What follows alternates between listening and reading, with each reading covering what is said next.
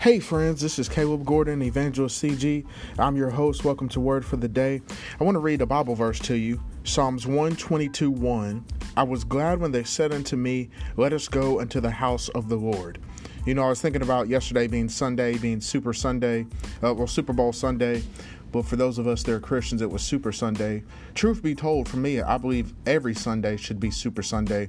And I just want to ask you, how do you view going to church? Do you enjoy going to church? Is it a chore? Is it something you do out of tradition, routine? Uh, is it mundane? Or do you go because truly you want to be there?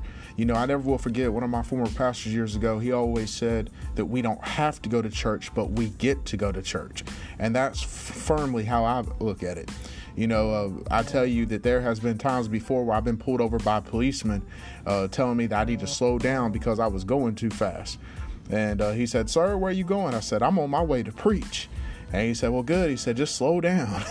you know, I was just so happy to, uh, so excited to, to, be there, and that's how I've always viewed church. You know, it's not something I have to do, but something I get to do. It's something I enjoy doing.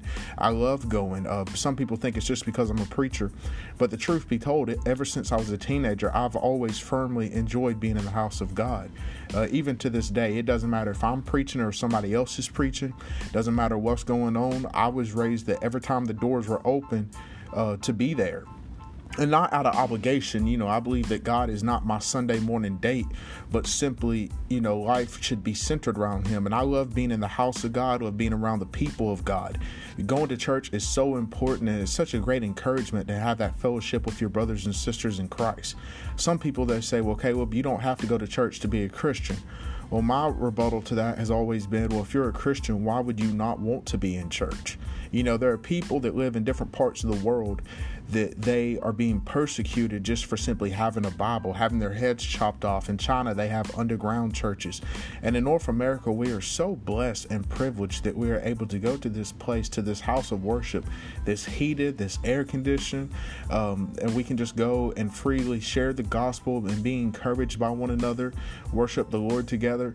And friends, I want to tell you, let's not take that for granted. You know, don't lay out uh, this coming Sunday of church or, or Wednesday night. Find a church, find where God wants you to be plugged into, and stay there until He tells you to move. You know, be active in the community, uh, get involved in missions and giving, and you know, being a part of a local body. We're to be the hands and the feet of Jesus. You know, and church is just so important, but I believe that we should enjoy it and we should not take it for granted. You know, it's amazing to me how people go and they make it like optional. Well, if I feel like it today, I'll go, or if I'm not too busy next week, then I'll go. Well, church should not be on the back burner, but it should be a number one priority. You know, if you want to go fishing, you want to go to the mall, whatever the case may be on Sunday, I'm not one to tell you, hey, you can't do anything on Sunday but go to church. But my goodness, go to church first. You know, don't sit at home and just listen to a podcast or even watch a YouTube sermon. I mean, that has its place and it's great and wonderful, but at the end of the day, we all need to be in church. We all need to worship the Lord together. There is just something special about it that truly cannot be replaced. And so, yesterday I had a wonderful time at the Opelika Church of God well, I'm sorry, the old Opelika Church of God. Now it's Lakeside Church of God. Uh, phenomenal service. Holy Ghost moved in a mighty way. And I firmly believe a lot of that was because the people wanted to be there. Not because I was there or evangelist or special guest speaker, but simply because Jesus was there. He was in the house and they wanted to be there. Can I tell you, when God is in the house, my goodness, it makes all the difference. When the Holy Spirit is moving and the anointing is flowing, there is no place I'd rather be than in the house of God. You know, one thing we must also understand though is that we can't have this awesome experience in church on Sunday and then turn around on Monday and forget everything that happened.